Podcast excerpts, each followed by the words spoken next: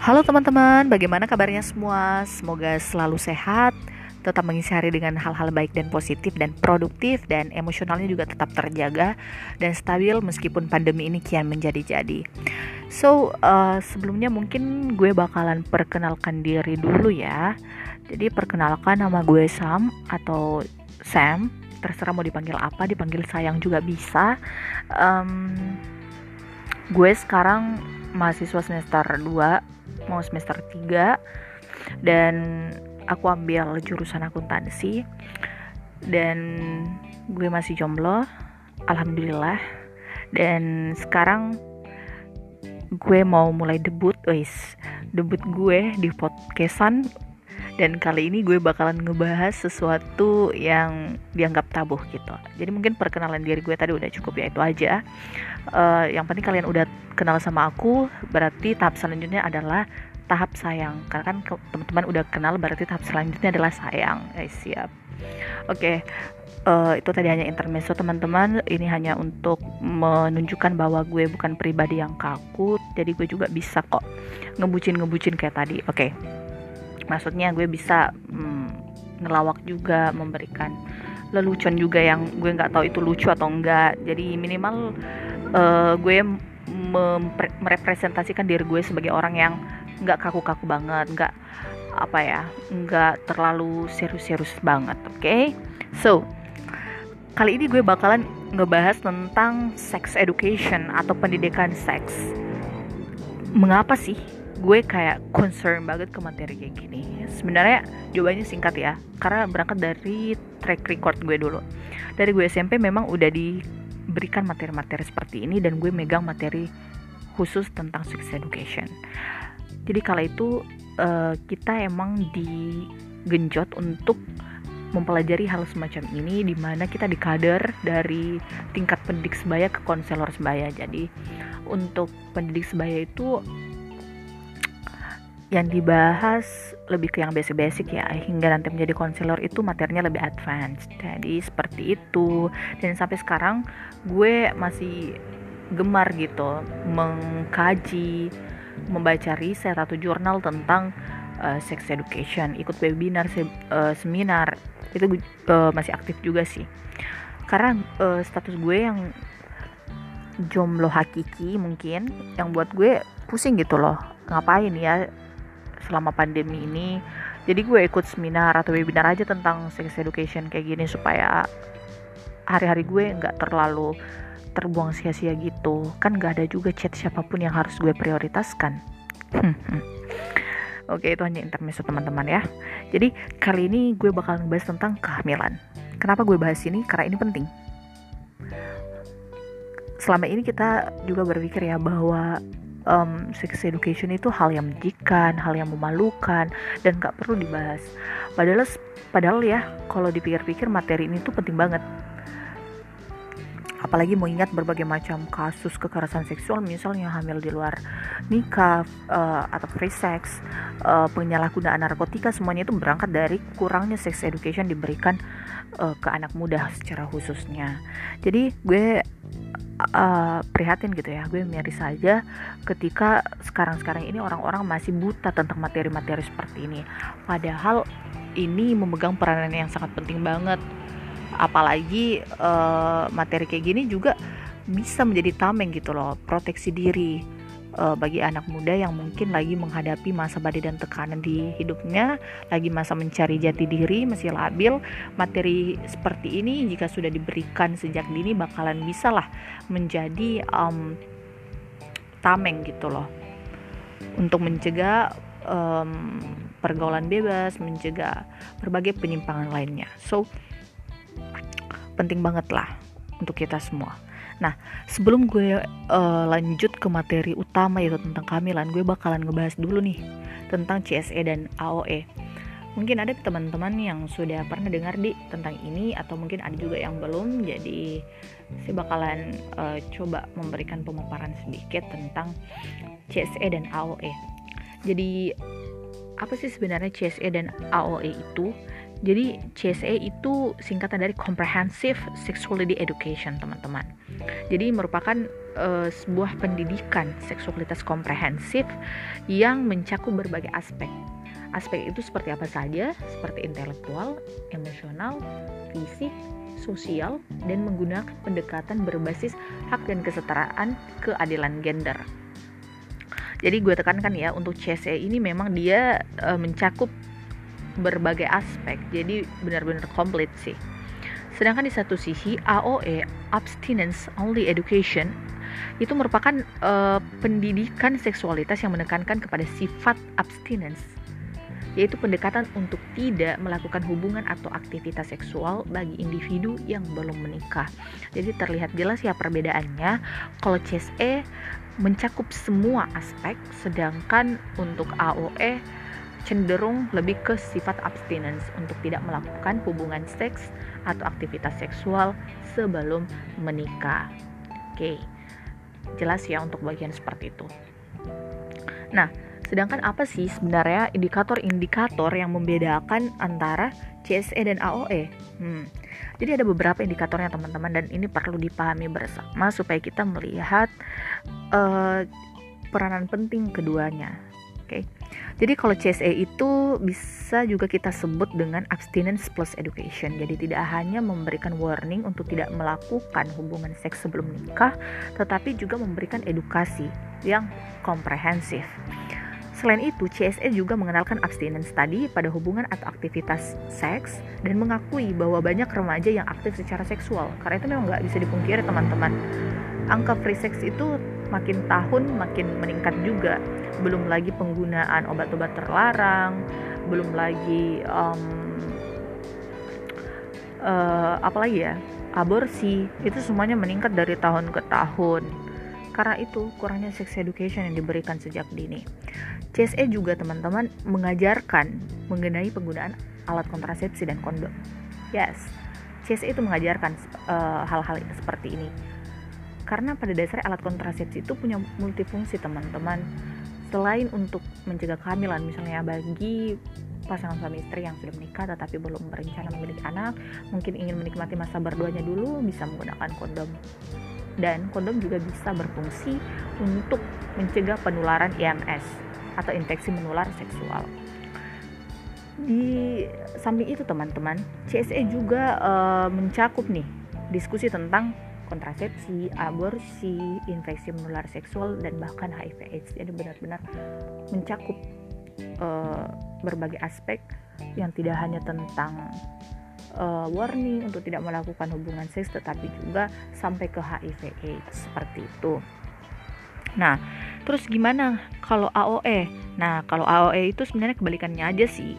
AOE lebih cenderung ke abstinence uh, dan tidak mengakui bahwa banyak remaja yang aktif secara seksual tidak mengajarkan penggunaan alat kontrasepsi, menghindari banget diskusi tentang aborsi dan juga um, menyebut bahwa IMS dan HIV/AIDS itu sebagai alasan untuk bebas dari hubungan atau aktivitas seksual. Jadi uh, eh, AOE memang nggak seluas CSE ya, cenderung ke abstinen aja. Sedangkan kalau CSE tetek bengeknya semuanya dibahas jadi komplit dan memang efektif untuk anak muda hmm.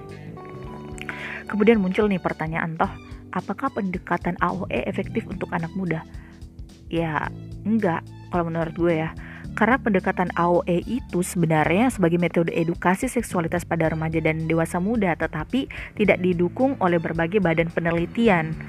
Nah, hal ini yang menyebabkan AOE itu kurang efektif lah untuk diterapkan karena itu tadi metode edukasinya yang tidak didukung oleh berbagai badan penelitian baik yang berfokus pada perlindungan kelompok HIV AIDS, IMS, kehamilan yang tidak direncanakan, aborsi dan sebagainya. Sebuah studi juga itu pernah menunjukkan data seperti ini teman-teman. Uh, studi peer reviewed ya menunjukkan bahwa tidak ada bukti program AOE mencegah dan memperlambat inisiasi seksual atau mengurangi IMS dan kehamilan. Karena itu tadi e, cakupan pembahasannya memang terbatas. Terus, apa lagi ya teman-teman? Aku ingat-ingat dulu ya. Oke, okay. mengenai pendekatan CSE. Apakah penting untuk anak muda? It's really important. Kenapa? Karena CSE itu tidak semata-mata hanya memberikan informasi seksualitas teman-teman, tetapi memberikan juga bekal dalam mengeksplorasi dan membentuk nilai-nilai positif dalam kesehatan seksual dan reproduksi. Dan CSE juga tidak hanya fokus terhadap seksualitas namun juga topik-topik terkait kehidupan berkeluarga misalnya relasi yang sehat, peran gender dan budaya, human rights, kesetaraan gender dan tantangan-tantangan di dalamnya.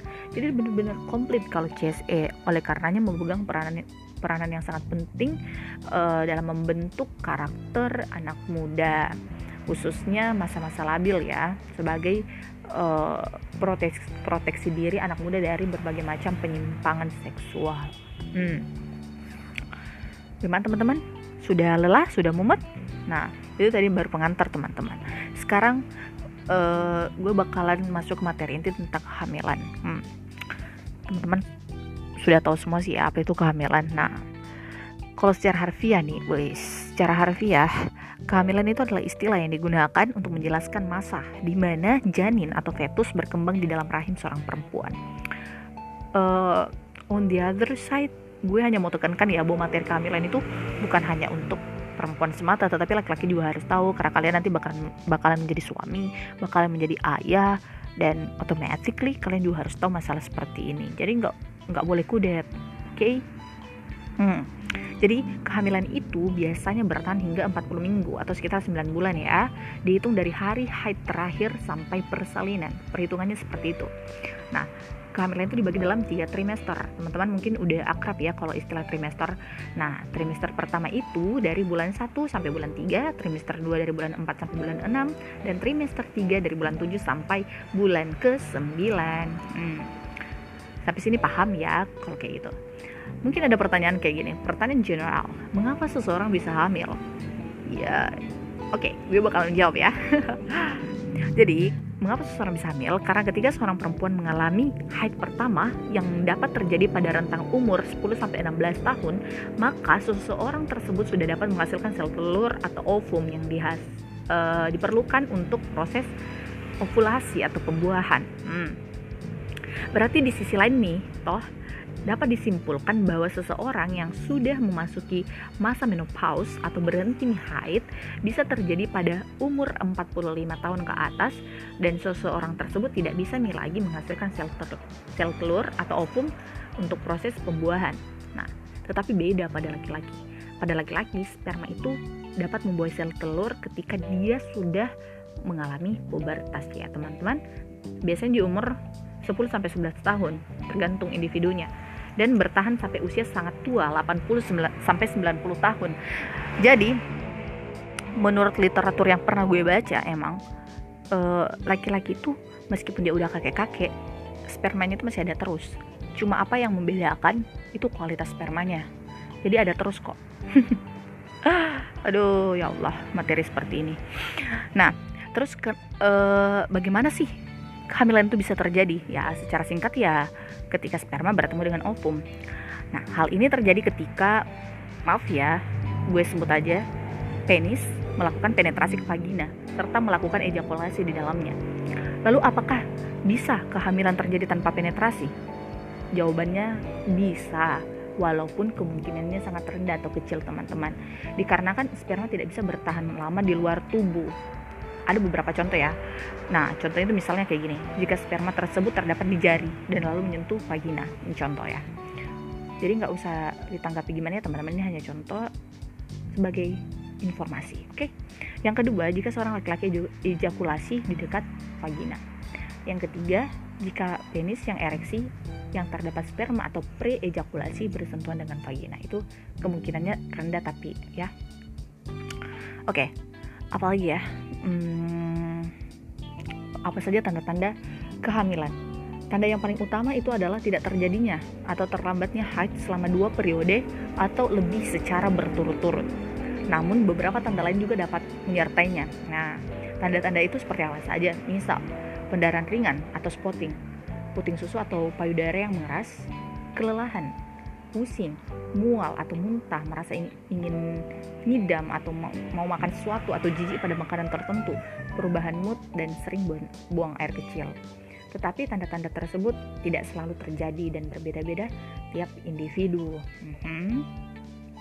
Oke. Terus ada lagi nih timbul pertanyaan dari orang-orang.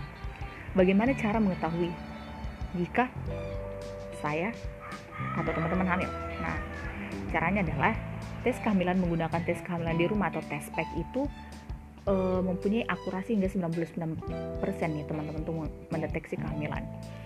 Uh, tes ini itu sebenarnya untuk melihat keberadaan human chorionic gonadotropin di urin seperti itu. Hasil yang akurat itu bisa didapatkan 1 sampai 2 minggu dari hari pertama terlambat haid. Nah, oke. Okay. Begitu mekanismenya teman-teman. Yang mungkin selama ini kita luput atau kita nggak tahu. Oke. Terus bagaimana cara mencegah kehamilan? Cara terbaiknya adalah tidak melakukan hubungan seksual sebelum menikah. Nah, beberapa cara lain itu bisa juga dilakukan dengan menggunakan alat alat alat kontrasepsi. Seperti ada cara alami itu biasa menggunakan kalender ya teman-teman.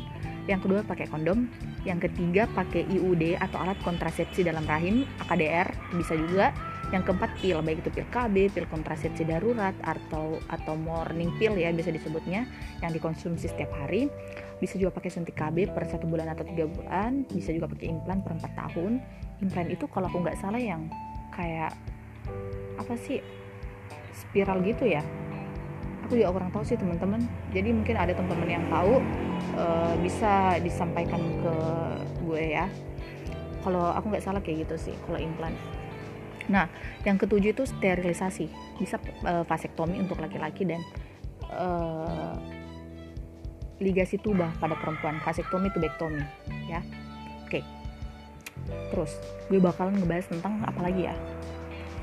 Hmm, beri aku ide, beri aku ide.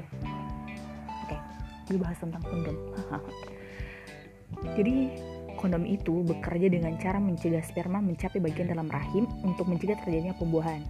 Kondom itu mempunyai efektivitas 95 sampai 98. 95 sampai 98 persen jika digunakan secara benar. Kondom efektif mencegah HIV sampai dengan 99% dan 98% persen dalam mencegah IMS atau infeksi menular seksual ya. Oke, itu aja sih kalau untuk kondom. Teman-teman udah tahu kan bahwa kondom itu berguna banget untuk mencegah HIV dan juga IMS. Selanjutnya apa lagi nih? AKDR atau IUD. AKDR itu bekerja dengan cara mencegah sperma sampai membuahi sel telur atau ovum. Nah, AKDR ini tuh kayak terdiri kih dari AKDR hormonal bertahan sampai 5 tahun dan ada juga yang tembaga bertahan sampai 10 tahun. Nah, AKDR itu tidak digunakan pada seseorang yang memiliki MS atau infeksi pelvis, hamil, memiliki kanker dinding rahim atau uh, pendarahan vagina abnormal. Jadi itu nggak boleh digunakan oleh empat kategori tadi ya. Terus gue bakalan bahas nih tentang uh, dampak buruk terhadap kehamilan yang tidak direncanakan pada anak muda. Tentu banyak banget sih ya teman-teman dan miris banget sebenarnya dan harus kita cegah dan harus kita berikan edukasi ke orang-orang yang mungkin belum memahami hal ini. Nah, ada beberapa dampak buruknya. Yang pertama, mengambil keputusan yang gegabah untuk mengakhiri kehamilan itu aborsi karena itu tadi belum siap, belum siap secara reproduksi, belum siap secara ekonomi, sosial, pendidikan dan lain-lain. Jadi terkadang itu yang membawa stres sehingga orang langsung mengambil keputusan untuk ini mengakhiri kehamilannya. Yang kedua, ketidaksiapan memiliki anak di usia muda secara psikologi, sosial, dan ekonomi. Nah, ini yang parah sebenarnya. Karena menikah itu bukan hanya perkara satu dua hari saja teman-teman tetapi lebih dari itu. Kita harus siap secara ekonomi harus siap secara sosial psikologi. Karena tahap selanjutnya itu yang menjadi sukar ketika kita tidak siap. Guys gue bijak lagi nih terus yang ketiga kurang melakukan antenatal care atau ANC itu asuhan janin selama kehamilan karena itu penting banget teman-teman. Janin itu harus diberikan uh, apa ya perhatian. Tidak hanya uh, pada saat setelahnya tetapi intinya dari 1 saat hamil, persalinan hingga sampai ke tahap mendidik anak. Itu semuanya perlu dilakukan oleh pasangan suami istri ya. Semuanya itu penting. Yang keempat, resikonya itu lebih tinggi untuk terjadi tekanan darah tinggi pada kehamilan ya. Belum lagi resiko memiliki bayi dengan berat badan yang rendah atau BBLR itu sering banget terjadi. Apalagi ketika uh, si ibunya ini masih dalam usia yang sangat muda itu beresiko banget. Belum lagi resiko yang lebih tinggi untuk terjadinya depresi telah melahirkan. Hmm, ini parah banget sebenarnya. Karena kan ini kematangan emosional yang belum terbentuk.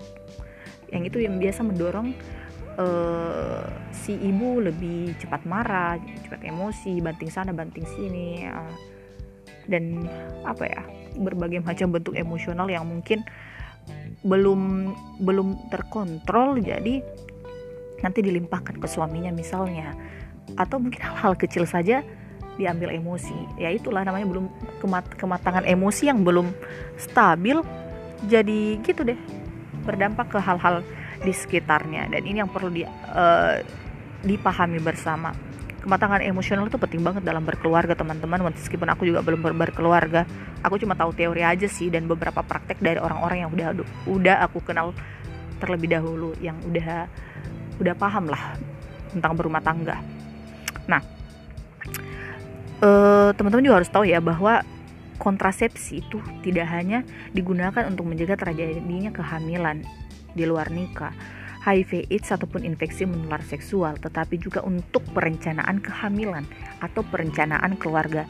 Dan ini bertujuan untuk mencegah naiknya angka kematian ibu atau AKI yang disebabkan oleh 4T. Nah, apa saja 4T itu? Terlalu rapat, terlalu banyak, terlalu muda, terlalu tua. Teman-teman harus tahu ya ke 4T itu karena itu sangat beresiko banget untuk ibu dan anaknya. Apalagi ya gue sebenarnya kayak harus ingat-ingat lagi sih kalau bahas materi kayak gini karena uh, udah lama aku nggak menyuluh udah lama aku nggak sosialisasi. Jadi biasanya agak agak lupa teman-teman. Apalagi nggak ada yang ingatkan. Nah uh, terakhir ya teman gue bakalan ngebahas tentang consent nah sexual consent atau consent seksual itu adalah persetujuan untuk berpartisipasi dalam aktivitas seksual mengapa ini penting karena gini loh sebelum melakukan hubungan seksual dengan seseorang, seseorang itu harus mengetahui apakah pasangannya yang uh, pasangannya itu juga ingin melakukan hubungan atau aktivitas seksual tersebut. Penting juga untuk seseorang berterus terang terhadap pasangan tentang apa yang diinginkan dan tidak diinginkan. Tanpa konsen, aktivitas seksual dalam bentuk apa pun dianggap sebagai pelecehan dan kekerasan seksual. Jadi harus ini ya, harus memahami seksual konsen itu karena kalau enggak ya aktivitas seksualnya itu bisa dikategorikan sebagai pelecehan dan kekerasan seksual. Oke. Okay? Jadi kalau consent itu terdiri dari lima, lima indikator ya, ada freely given, ada reversible, informed, enthusiastic, ada specific. Dan yang harus kita pahami bersama ya teman-teman. Jadi penting banget sih ini. Supaya kita nggak salah persepsi, nggak salah paradigma juga ke depannya. Mm -hmm mungkin itu aja sih ya dulu teman-teman. Lain kali gue mungkin bahas yang lain lagi. Mungkin tentang HIV mungkin tentang EMS mungkin tentang aborsi. Nantilah. Untuk hari ini mungkin cukup ya uh, gue bahas tentang ini. Semoga bermanfaat untuk kalian yang mungkin berencana menikah dalam waktu dekat atau bukan hanya untuk kalian mau menikah sih semua ya pokoknya. Karena hal-hal seperti ini ini tuh penting banget lah untuk kita semua apalagi untuk anak-anak muda. Hitung-hitung kalian tahu ini ya sudah adalah kematangan untuk menikah ya. Karena menikah itu bukan hanya menyatukan dua kepala tetapi lebih dari itu ini merupakan sebuah bahtera ini semua menikah itu adalah perjalanan menikah itu adalah kalau menurut gue ya is sebelum menutup uh, karena menurut gue menikah itu adalah penyatuan cita-cita juga. Kita bersama orang yang kita uh, sayangi is. Untuk apa ya sama-sama mencapai goals untuk menciptakan generasi-generasi yang berakhlakul karima yang unggul yang siap uh, apa ya menjadi agen bagi masyarakat memberikan kontribusi terbaiknya. Seperti itu. Jadi menikah itu bukan hanya perkara aku cinta kamu aku sayang kamu tetapi sebuah cita-cita. Itu aja ya kalau dari saya. Mungkin itu aja ya dulu teman-teman. Nanti aku makin ngawur makin lebay. Uh, kali ini cukup. Semoga bermanfaat. Semoga kita tetap sehat ya. Semoga tetap uh, berpikiran positif. Dan bagi yang belum dipertemukan dengan jodohnya semoga segera dipertemukan. Begitu juga dengan saya. Uh, oke okay, teman-teman itu aja ya. Dan kali kita bertemu lagi dengan materi-materi yang lain. Oke sekian dan terima kasih. Assalamualaikum warahmatullahi wabarakatuh. Dadah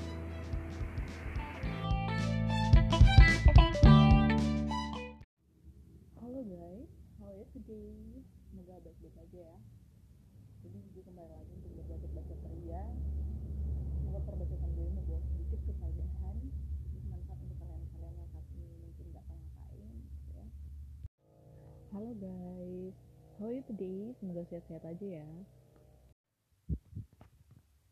Halo guys, how are you today? Semoga sehat-sehat aja ya. Jadi kalian gue kembali lagi untuk berbacot-bacot ria, untuk ber uh, berapa berapa ya?